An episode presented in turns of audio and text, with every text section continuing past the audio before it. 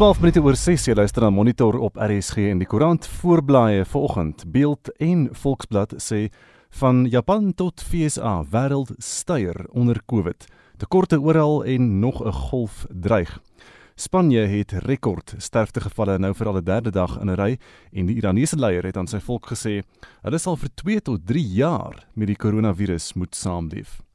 Op die burger vanoggend ook COVID-19 verwant matrieks sal hulle eksamen skryf. Come hell or high water, sê minister Angie Motshekga en onderwyskenners sê daar is tans geen rede tot kommer nie.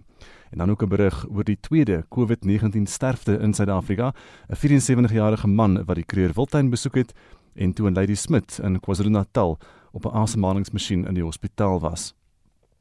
Business Day berig oor Vrydag aand se afgradering van Suid-Afrika tot rommelstatus deur Moody's sien set for turmoil 'n waarskuwing deur die minister van finansies dat dit tot die markste die die markstres gaan bydra. Selfs na die ingryping van die Reserwebank verlede week word daar asem opgehou oor wat gaan gebeur wanneer die aandelebeurs in Johannesburg vanoggend sy deure open. En op bbc.com vanoggend die Mercedes Formule 1 span gaan help bou aan ventilators.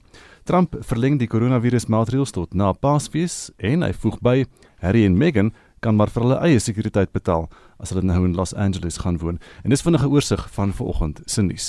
Dis kwart oor 6 en president Cyril Ramaphosa het die Ranch Hotel buite Polokwane weer as 'n veilige sone verklaar. Die president het die 114 mense wat meer as 2 weke gelede uit Wuhan gerepatrieer is gisteroggend ontmoet.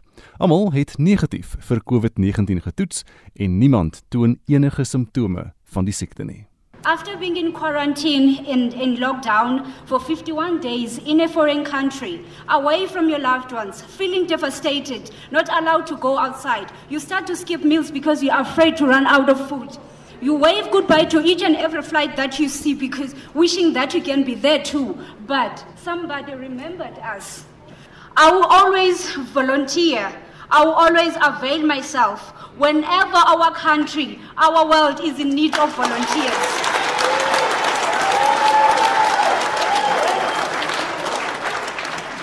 Thank you, Mr. President. Thank you, South Africa. Long live South Africa, long live.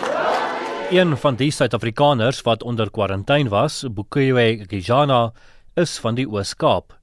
Sy het 'n brief voorgeles waarin almal bedank word wat 'n rol in die Wuhan-sending gespeel het, namens al 114 mense wat na veiligheid gebring is. Die groep sê hulle is dankbaar oor die manier waarop die regering hul repatriasie hanteer het. Sommige van hulle sê dat die situasie in Wuhan moeilik was en dat hulle bly is om met hulle families herenig te word. We were always indoors. We always had fear. So you always have to be alert all the times. And also to be afraid to run out of food, as I mentioned. You feel lonely, you feel stressed, you feel like you don't know what to do. At the same time, you don't want to tell your family how you're feeling because they will be more stressed than you. So we are very grateful to be home.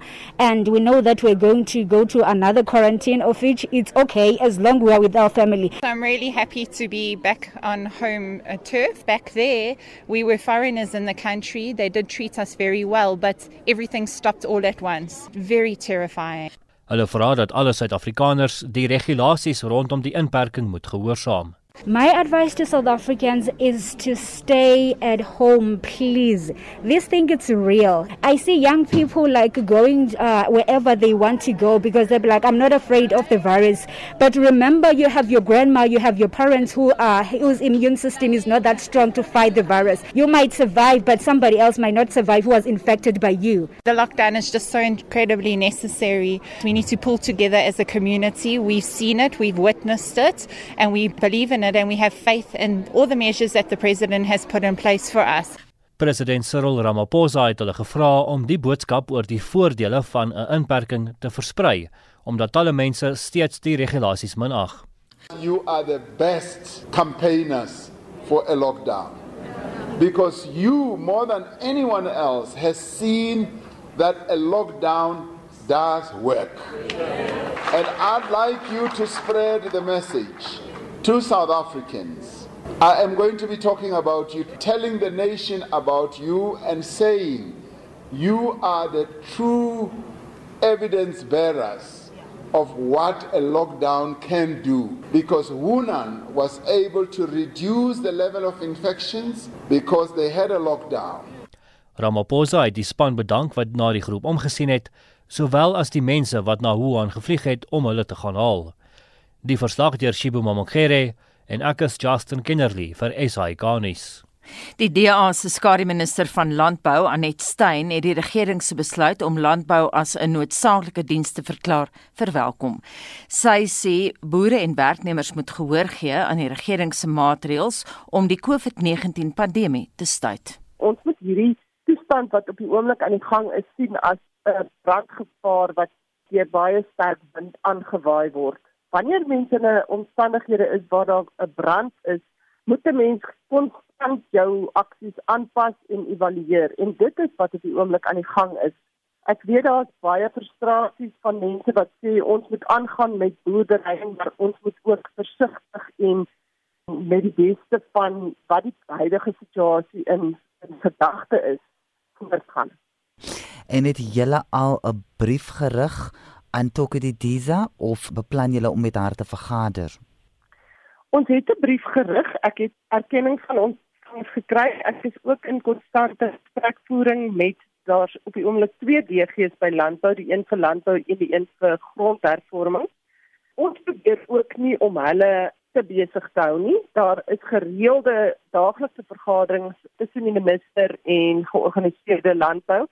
Ek kry terugvoering van hulle en ons gee vir mekaar gereeld terugvoering ons is almal besig om te kyk wat is die hakplekke en hoe dit opgelos kan word. Is daar enige kommer oor die vervoer van werkers om by die plaas uit te kom elke dag? Op hierdie stadium is dit een van ons grootste kopsere.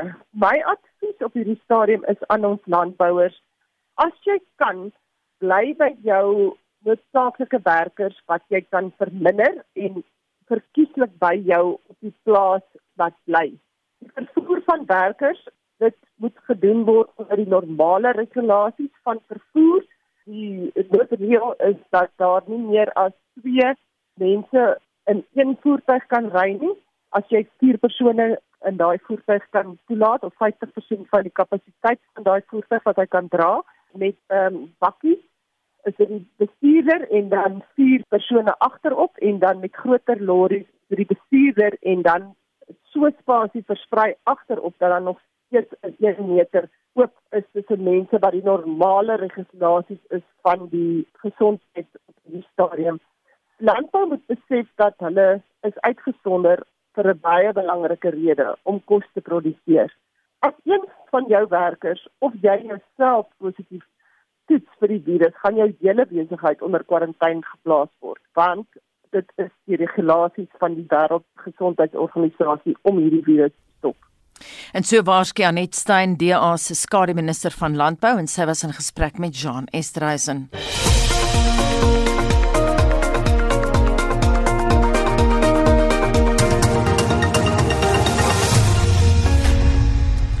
Die Gif-inligtingseentrum by die Rooikruis Hospitaal vir Kinders in Kaapstad sê daar's 'n toename in gevalle van kinders wat handreinigers drink. Die middels kan skadelik wees vir kinders weens die hoë alkoholinhoud daarvan.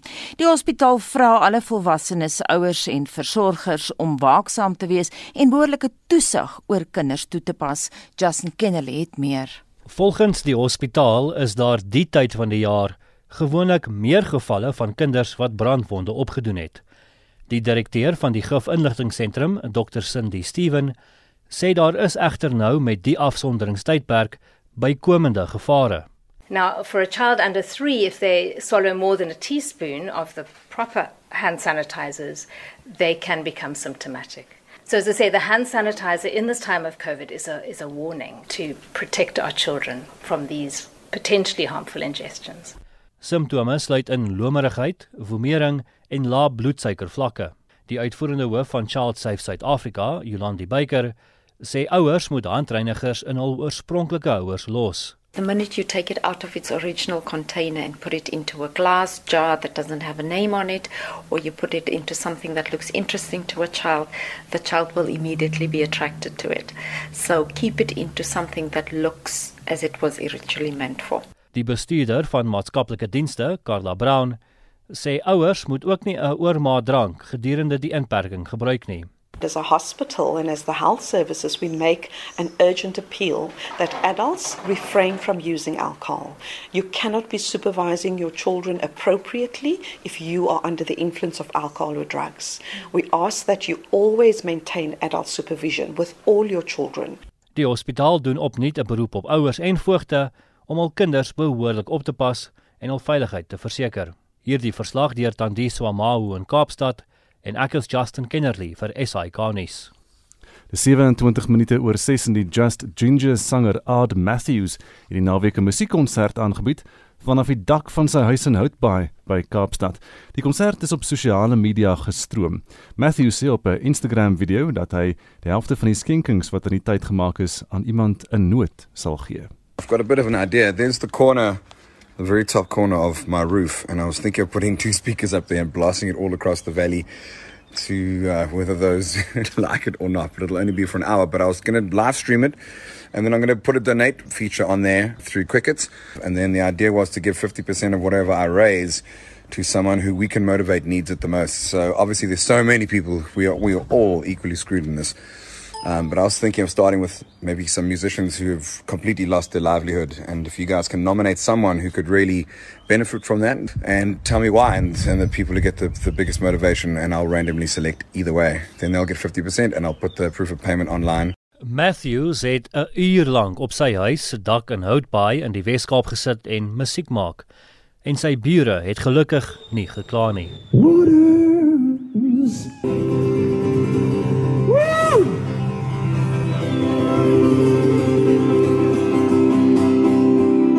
That it would take something so small to get us to meet each other. So here we are. Thank you guys.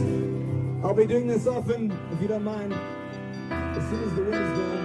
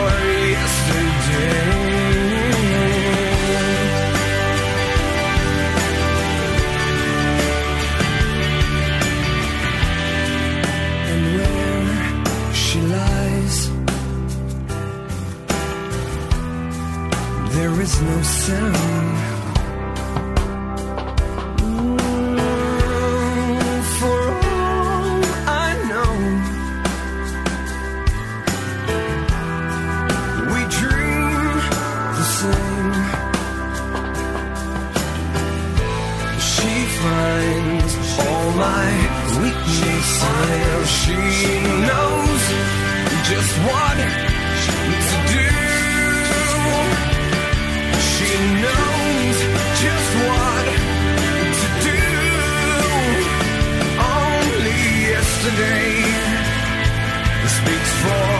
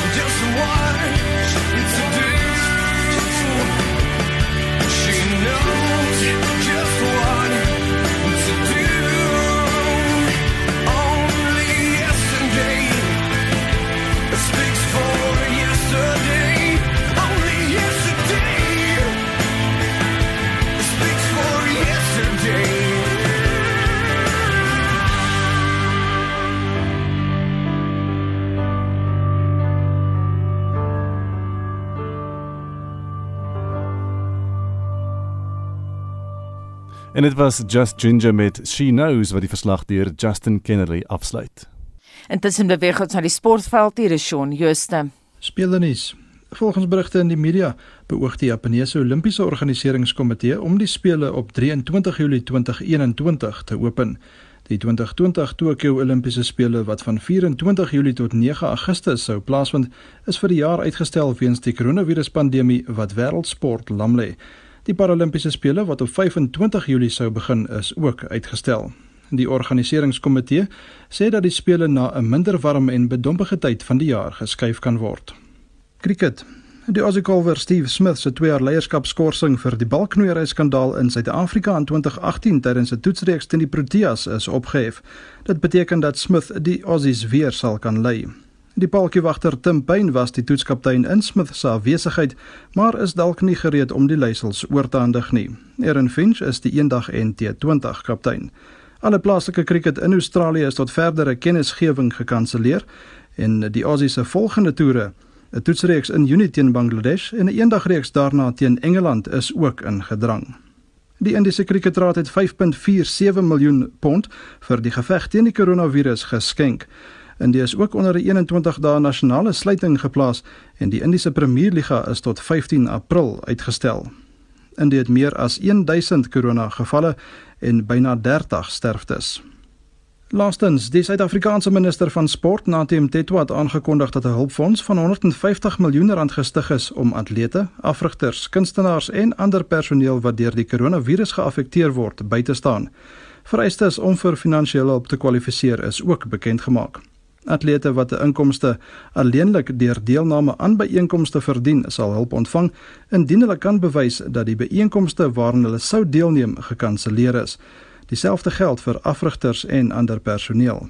Die departement van sport, kuns en kultuur sal bepaal hoeveel bystand aan elke persoon verleen sal word. Shaun Schuster, SAK Sport. Dis 22 minute voor 7. Jy luister na Monitor op RSG en die Suid-Afrikaanse lugdiens het verlede week kort op die hakke van Comair aangekondig dat hy alle binnelandse vlugte vereers staak. Daar was in daardie stadium seker net een vlug oor nog gewees, die Kaapstad Johannesburg een. En dit volg op president Cyril Ramaphosa se aankondiging verlede maandag aand van 'n inperking van 21 dae om die koronavirus te probeer bestuur. Daar is egter ontleeders wat sê nou is die ideale tyd om SAL vir eens en altyd te sluit. Een so ontleder is Leon Lou van die Vrye Mark Stichting. Dit is baie duidelik wat gedoen moet word. Dit is onredbaar, dit is al lank onredbaar en nou met die virus en dat ons uh, op die verlede herverdeling van staatsbesteding gehad het van armes na SAL toe. Maar nou word dit van siek mense weggeneem om hierdie dinosourus aan die gang te hou. So dis baie duidelik dit moet gebruik word en kan gebruik word deur die president om finaal te doen wat almal weet moet gedoen word. En dit is is al te sluit en te likwideer. En wat gedoen kan word is red wat redbaar is. Ons sê al nou vir 2 of jare op so red wat redbaar is dis die brand en dis die roetes en dis die wederwysige ooreenkomste met ander lande wat roetes toelaat en die regte wat hulle op lughawens wêreldwyd het dit is verkoopbaar die nuus kan oorgeneem word, daar kan 'n ooreenkoms aangegaan word met een van die vatbare lugrederye van die wêreld, verkoop aan hulle wat hulle wil koop, routes en brands en dis die oplossing vir Israel. Leon kan kom eer in Airlink ekonomies oorleef met gestaakte vlugte vir 3 weke. Dit is baie uh, moeilik vir hulle om dit te doen. Alle lugrederye weens ongelyke mededinging met Israel verloor teen min of meer verliese baie min uh, winste wat hulle gemaak het en belasting wat hulle betaal het maar as hulle kan oorleef sal dit moeilik wees wat ons eintlik bedoel is vir die staat daar om hulle te help met verskeie dinge wat gedoen kan word. Hulle moet gered word. Die private ondernemings moet nou gered word. As dit meer as 3 weke is, glo ek nie dat hulle kan oorleef nie. Kom ons praat 'n bietjie oor daai tydperk. Die Franse minister van Gesondheid, Olivier Véran, sê dat hulle aanvanklike tydperk van 15 dae van afsondering gaan hulle verleng tot moontlik selfs 6 weke. Dink jy ons gaan ons afsonderingstydperk in Suid-Afrika uiteindelik moet verleng? Ja, almal praat daarvan. eh, Ek is nie 'n deskundige op daai vlak nie, maar dit lyk asof dit heel moontlik is indien dit gebeur sal ons nie een vatbare of winsgewende lugredery in Suid-Afrika hê nie. So as die staat nie intree om die private ondernemings wat hulle tot nou toe net skade aangedoen het, eh, te help oorleef, sal ons sonder enige lugredery in Suid-Afrika. Jy is nou die hoof van die Vrye Mark Stichting in Suid-Afrika. Die president het maandag aand beloof daar sal redding vir klein sake ondernemings wees, maar tot dusver is daar nie eintlik spesifieke riglyne daaroor nie. Ja, dis baie ingewikkeld hoe hulle dit by klein sake ondernemings sal uitkry en besonder informele en semi-formele ondernemings. Hulle lei die meeste, hulle kan nie meer as 3 of 2 dae gaan nie. Byvoorbeeld 'n 'n vrou wat met twee kinders sit wat onder 'n boom sit en bies koop, sy kan nie oorleef nie en die hulp sal nie by hulle uitkom nie of uh, selfs 'n plaaslike bouer in 'n klein dorpie en daai tipe ding. Daar was klaar winkels, restaurante wat aan kort gespeel het, selfs voor die formele inperking en dit lyk asof dit baie meer gaan wees en ek weet nie of die staat se hulp by hulle sal kan uitkom nie.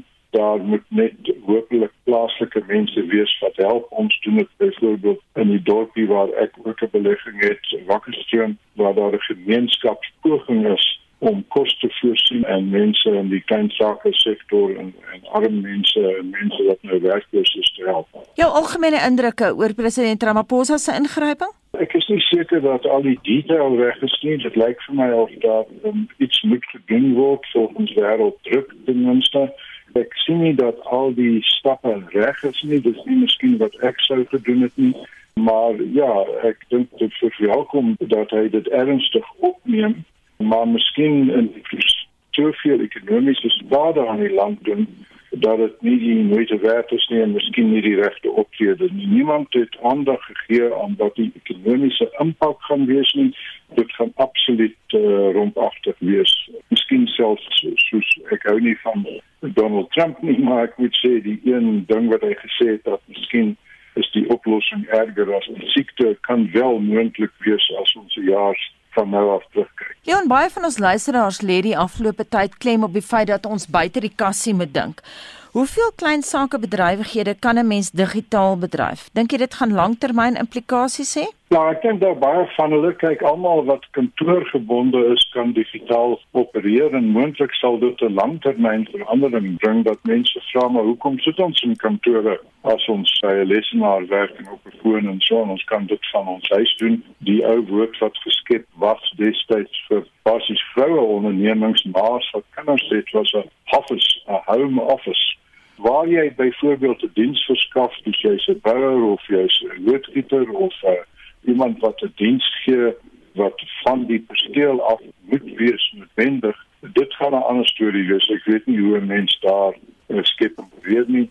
Maar wat ek wel al gevind het, ek was betrokke byvoorbeeld met uh iemand help om 'n permit by 'n plaaslike polisiestasie te bekom wat eintlik moontlik is byvoorbeeld vir maaltye aflewer, voedselaflewering vir ou mense en dit het ek al deel in gespeel om so iets te Leon, dink jy prysstygings moet verbied word? Nee, dis 'n groot fout. Ek weet dit is emosioneel. Almal wil nie uitbuiting sogenaamd hê nie en prysstygings nie.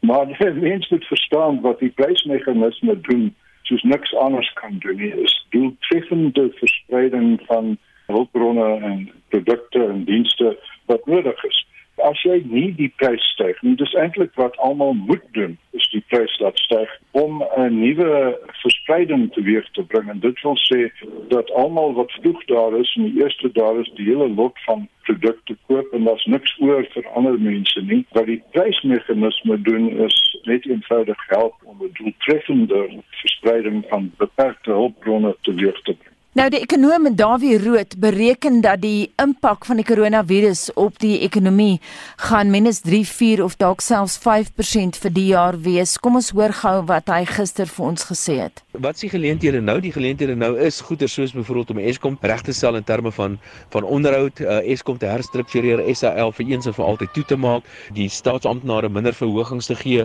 en al daai tipe van aanpassings wat nou nodig is. Dit is nou die geleentheid om dit te doen. So moenie 'n uh, krisis soos hierdie verlore laat gaan nie. Hier's 'n klomp geleenthede. Sê mee saam met Dawie, ons kan nou hierdie geleenthede gebruik. Ja, kyk, hy praat van die makro-ekonomiese inperking van of vermindering van nasionale produk. Wat vir my meer bekommer is die impak dat dit nie gelyk is nie. Almal word nie dieselfde ervaar dit nie dieselfde nie. Ek byvoorbeeld sal 'n minimale verskil voel. Wat vir my meer bekommer is die oneweredige impak en dis die armes en die klein sake informele sektor en dink net aan mense wat in 'n plakkerskamp bly. Hulle is vier mense miskien in 'n enkele sintplaat huisie, die grootte van meeste mense, middelklas mense se badkamer. Daar lewe en hulle hulle moet nou teoreties ingeperk word na daai huis en as hulle uitloop staan hulle jy weet langs aan hulle bure wat die deur oopmaak. Dis 'n bourgeois benadering 'n bourgeois klomp oplossings wat nie die realiteit van meeste mense en besonder arm mense afneem nie. En so my bekommernis is nie die gemiddelde daling in nasionale produk nie maar die impak op die meerderheid Suid-Afrikaners wat landelike gebiede wat in hoë densiteit lokasies en informele sektor en plakkerskampe bly dis daai mense eintlik wat baie baie groter kan lei en vir hulle is dit totaal rompagtig En dit dan die mening van Leon Lou van die Vrye Mark Stichting. Internasionale nuusgebeure: Die Amerikaanse regering wil Venezuela se president Nicolas Maduro hof toe sleep op 'n aanklag van narkoterreur. Die Amerikaanse prokureur-generaal William Barr het ook Vrydag aangekondig dat hy 'n beloning van 15 miljoen Amerikaanse dollar uitreik vir enige inligting wat sal lei tot die arrestasie van Maduro. Monitor het gewonder wat presies narkoterreur behels en of daar al soortgelyke klagte by hof ingedien is. Ons stel die vraag vanoggend aan 'n regskenner, professor Llewellyn Kaloos van die Universiteit van Pretoria. Goeiemôre. Hoor Anita. Llewellyn, is 'n klag van narkoterreur regsgeldig? In kort die antwoord is natuurlik ja. Uh, narkoterreur staan letterlik vir 'n kombinasie of 'n samestelling tussen narko wat natuurlik dwelmoorlogvoering impliseer en natuurlik 'n uh, terreur wat die oorlog van die Amerikaners teen terrorisme impliseer. En dit veral na die 9/11 uh, insidente wat ons gesien het. In kort, Nicolas Maduro uh word natuurlik verbind met die sogenaamde kartel de los soles. Nou dit staan eintlik vir kartel van de of the suns. Met ander woorde dit dit impliseer daardie embleempie wat hulle op hulle uniform dra wat die sonsopkoms uh, verteenwoordig. Jy sal onthou dat Washington het lankal vir Maduro beskuldig dat hy 'n korrupte en brutale regime lei. Uh, hy ontken dit natuurlik. Ehm um, die FSA het selfs in die verlede so ver gegaan om ernstige olie uh, uh, sanksies in die oliebedryf teen Maduro en sy regering in te stel. En uh, hy het as ek reg kon onthou hier so in April 2013 het hy net net president geword na die dood van uh, Hugo uh, Chavez. Nou in kort, die klagtes teen Maduro uh, en sy binnesirkel mense en dit sluit onder andere in die minister van verdediging, die hoofregter en ek dink omtrent 12 of 13 ander persone ook. Uh sluit natuurlik boonbehalwe narkoterrorisme in dwelmhandel, geldwasery, korrupsie en al daai tipe van goederes wat natuurlik gebaseer is uh op sy sogenaamde sameswering met 'n faksie uh in die van die Kolombiaanse rebellegroep die FARC, gespel F A R C in Afrikaans. Nou hierdie mense blykbaar Venezuela gebruik as 'n veilige hawe om hulle dwelms dan uh, via Venezuela in Amerika aan te kry. Louwelen, watter soort hof sou die aanklagte kon aanhoor? Hierdie tipe ding word gewoonlik in die federale hof uh, hanteer. Uh jy sal bewus wees daarvan dat dit normaalweg enige dwelm vir vir verwante aangeleentheid word normaalweg ondersoek deur 'n uh, uh die sogenaamde uh, DEA wat staan vir die United States Drug Enforcement Agency. Ja, hulle is deel van die FBI en uh gewoonlik word hierdie tipe sake hanteer in die federale hof in hierdie geval waarskynlik die een in Manhattan. Uh en ek moet vir jou sê, net so interessant is uh, alwe gewoonlik is 20 jaar minimum tronkstraf tot lewenslank vir elkeen van hierdie afsonderlike klagtes die voorgeskrewe vonnis opsie kan voorgeskryf word. Die Amerikaanse regering sê Venezuela bedreig sy burgers se gesondheid omdat Maduro nou kwansys kokaine gebruik as 'n wapen teen die FSA. Dink jy daai spesifieke aanklag en die motief sou kon slaag in die hof? Ja, ek moet vir jou sê daar is daar is natuurlik al presidente in die verlede geskep. Ehm um, ek dink byvoorbeeld hierso aan iemand soos Pablo Escobar van die Medellin kartel hier in Colombia uh, in die laat 90er jare. Uh jy sal onthou dat uh, die die aantuigings wat selfs vandag nog gemaak word is dat min of meer 1.5 triljoen dollar uh min of meer die die die die die tipe van geld is waarvan ons hier so praat waarvan ten minste 2.5 tot 3 biljoen dollar eindig dan uiteindelik in die hande van uh, uh terreurgroepe soos Al-Qaeda uh, en ander verwantes. En met ander woorde wat ons hierso sien is ehm um, uh, wetgewing wat spesifiek daarop gemik is om hierdie tipe van jurisdiksie te vestig in Amerika sodat hierdie mense aangekla kan word sodra die Amerikaners natuurlik al hande daarop gaan lê. Ehm um, hier is twee spesifieke wette waarna ek dink. Uh, hulle praat van die uh, die victory wetgewing wat staan vir die Vital Interdiction of Criminal Terrorism Organizations uh, Act en natuurlik die sogenaamde Patriot Act wat staan vir die Providing of Appropriate Tools Required to Intercept and Obstruct Terrorism Act. Nou dit is groot lang woorde, maar dit is dit is aanduidend daarvan wat 'n erns die Amerikaners hierdie tipe van invloeks van dwelms hanteer en hulle sê dis nie goed vir hulle samelewing nie en hierdie persone is opsetlik besig om by wyse van hierdie dwelms min of meer 'n korrupte samelewing te probeer skep in Amerika en van daar hulle self te verryk ten koste van hulle eie mense wat krepeer in Venezuela. Daar is sekerlik ander lande veral in Latyns-Amerika wat dieselfde aanklagte sou kon maak teen Maduro.